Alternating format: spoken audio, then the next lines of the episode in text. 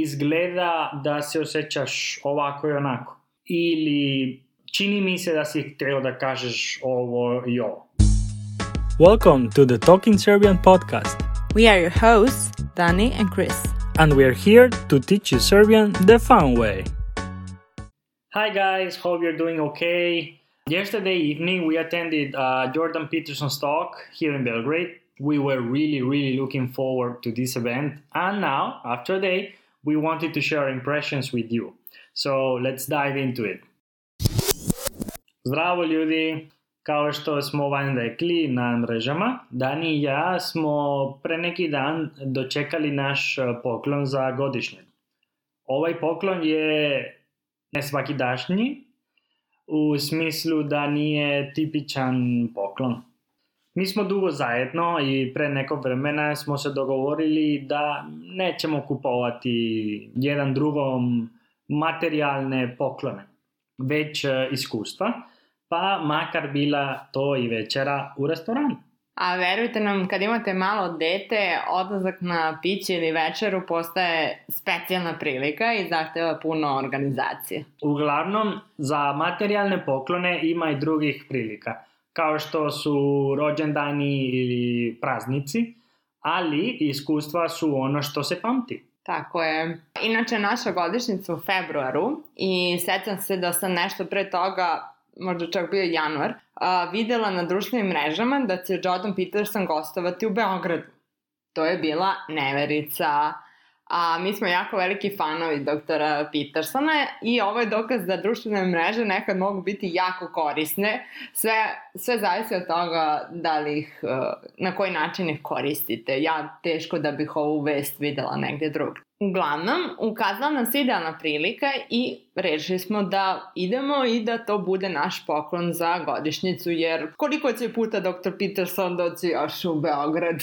Ovo je nešto što se dešava samo jednom, jer često poznati na svojim turama iz nekog razloga zaobilaze Beograd. Mi smo razmišljali, dočekat ćemo jun. I došao je. Za malo da promašimo mesto događaja, događaja, ali imali smo sreće.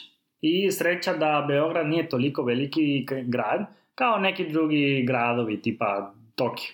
Pa lako stigneš i za jednog kraja grada na drugi. Sa jednog grada, grada na drugi. Aha, hvala. Uglavnom, m, sala je bila prepuna, a najviše je bilo mladih ljudi. E, Čak čini mi se da mlađih od e, Dani i mene. Moram da primetim da je dosta muškaraca došlo u delo, to je bilo cool. Vidi se da ima puno fanova doktora Petersona. Hmm. Došao u odelu. Šta sam rekao? U odelu, ja sam čula. Aha, Na scenu je prvo izašla uh, žena Jordana Petersona, Temi, a zatim i on. Uh, I publika ih je primila sa puno ovacija, sa puno aplauza. Koncept je bio da ljudi postavljaju pitanja. Oni su danima napred slali pitanja, a onda je Jordan Peterson odgovarao na neka pitanja koje su oni izabrali. I pričao je o raznim temama. Ovde ćemo ubaciti jedan, kako da kažem, disclaimer. A, mi ćemo vam preneti na jednostavni način samo neke stvari koje smo čuli te večeri i koje smo nekako uh, poneli sa sobom ili koje su nam od, ostavile najviše utisaka. Jedno od pitanja je bilo kako da bolje, to jest kako da više slušaš uh, druge ljude. Ovo zvuči malo rogobatno na srpskom, ali recimo da kako da budeš bolji slušalac. Mhm. Pa, mm, kao ja sam razumeo, ovde ima dve stvari koje su bitne. E, jedna je taj osjećaj kad ti aktivno e, slušaš nekog bez prekidanja. To znači e, slušanje i razumevanje toga što druga osoba priča. Opet kažem, bez prekidanja. Ne treba da prokomentarišeš e, svaku ideju koja ti pada na pa, patne na pamet dok e, slušaš. To obično mi kažemo kad razgovaram. To, to je jako teško jer si generiše neku anksioznost dok slušaš, a ne bi trebalo da ništa kažeš, naravno. Pa, druga stvar je kad si lepo sve saslušao, da sve zašmeš, zažmeš, Sažmeš. sažmeš, to je teško da kažem, i staviš lepo u lepo pakovanje i onda ponoviš svom e, sagovorniku, kao na primer, um, možeš da kažeš na srpskom, ok, meni se čine da si rekao ovo i ovo. Ili izgleda da se osjećaš ovako i onako. Ili čini mi se da si htio da kažeš ovo i ovo. Poenta ovoga uh, je da druga osoba uh, osjeća slušano ili se osjeća sluča, slušano. Se osjeća sluša. Mhm. Ali stvarno da se osjeća tako. Da je neko pokazao iskren interes i razumevanje za nju. Izvini, interes, bez t na kraju. I rekao sam na engleskom, da? Da. Da, sad dok ti slušam, razmišljam, to je jedna stvari koje ja, na primer, treba da promenim i osjećam to, nisam to definisala pre kao anksioznost, ali da, ima to nešto što ne možeš da, da izdržiš, ja, ja isto imam problem jer dosta zaboravljam i čim mi neka ideja padne na pamet, mislim da ako ne kažem odmah, da je to to, zaboravit ću. Ali s druge strane sad razmišljam, mi snimamo podcast i mi slušamo razne podcaste i da li tu nekad imaš tu neku želju kao da moraš ti nešto da kažeš ili prokomentarišeš jer tebe tu niko neće da sasluša, razumeš? I verovatno ne pričaš sam sa sobom dok slušaš podcast. Pa da, to, to je taj osjećaj, znaš, da moraš da preskočiš i da nešto kažeš pre nego što zaboraviš, znaš. Ali da, ali verovatno kad ti slušaš, na primjer, podcast ili nešto, ima veze sa tim da ima veze sa tim koja je tema i da nije ništa lično, a drugačije ako je neki razgovor koji je ličan. Mm, Da, da. Razumem šta, šta hoćeš da kažeš. Drugo pitanje je bilo kako se izvoriti sa depresijom u štanju rata i izbeglistva? Kod ovog pitanja on je istakao moć rutine. Rekao je da ono što nama daje sigurnost u životu nije samo mesto gde živimo, već sve što čini to mesto i našu ulogu u njemu i sve što čini e, naš život. Poznavanje puta do škole, do posla, e, društvo, uloga koje imamo u njemu, to jest razne uloge koje imamo. Rekao je da u situaciji kada smo u nepoznatom, kao što je ova gde smo iseljeni negde i to primorani da se iselimo, treba e, što pre organizovati određene rutine. Ono što je meni bilo zanimljivo jeste da kada smo čitali e, literaturu o odgajanju dece, u više navrata smo naišli na istu stvar. To je da je rutina kod dece jako bitna.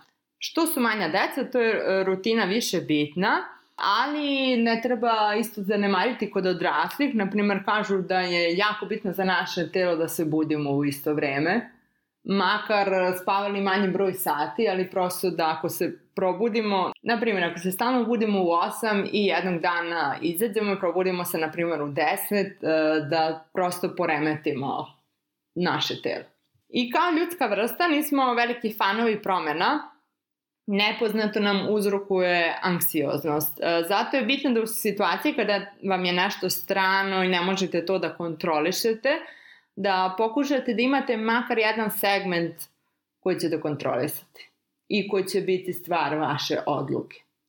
Da, isto i on je malo imao neke digrezije, ali rekao nešto interesantno za mene, da naravno mo moraš da imaš neke stvari koje kontrolišeš, ali u, u tim stvarima da imaš neki przenat e, Procenat? procenat, kako da kažem, e, da kažem kao playfulness, znaš, kao da ne Mm, bude sve striktno, Da, disciplinovano. u, u minuti, onako Da. sve isplanira. Da ima neke fleksibilnosti, ja bih Da, rekla. Da, da, to je isto jako bitno. On je rekao da ne može ni skroz disciplinovano, striktno, ni skroz fleksibilno. Da mora da ima neki balans, recimo. U, Da, u neverovatno je koliko se to poklapa sa nečim što smo čuli za decu i za toddlere, naročito kako im treba dati određen vid moći, nekog izbora, ograničenog naravno, i da, uspostavite rutinu, ali ni da ta rutina ne bude tako rigidna, nego da ima neku fleksibilnost. Jedno od pitanja je bilo kako promeniti loše navike. Mm, Da, on je rekao manje više kao da, mor, e, da morate da pregovarate e, sami sa sobom i da pomerate svoje granice malo po malo. Naprimer, ako ustajete između 2 i 4 popodne, hoćete da budete um, produktivni uh, i ustanete ranije, postavite sebi granice, sebi granice. Prvo ustanete između 2 i 3 nakon nedelju dana. Ako to nije bilo preteško, onda možete više pomeriti limit i tako ide, naš, ide, idemo dalje. Poenta je da imaš ciljeve, ali ti ciljevi moraju biti e, mogući za ostvarivanje.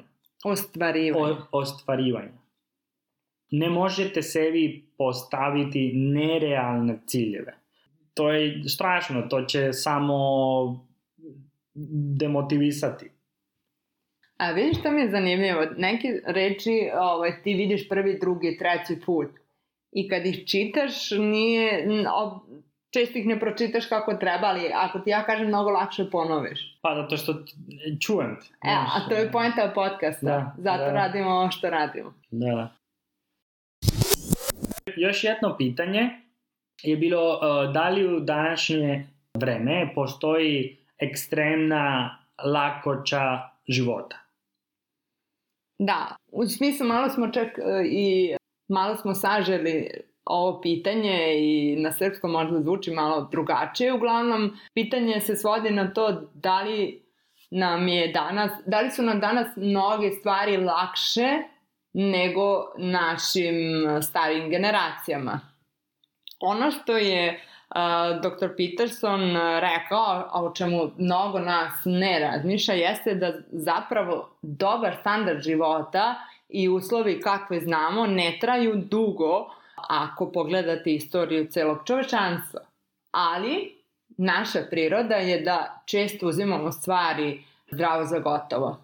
To je jedan jako dobar izraz, uzimati nešto zdravo za gotovo, to take for granted. Na taj način e, mi imamo sad utisak da se uvek živelo dobro i lako i da će se uvek živeti dobro i lako, a nije tako.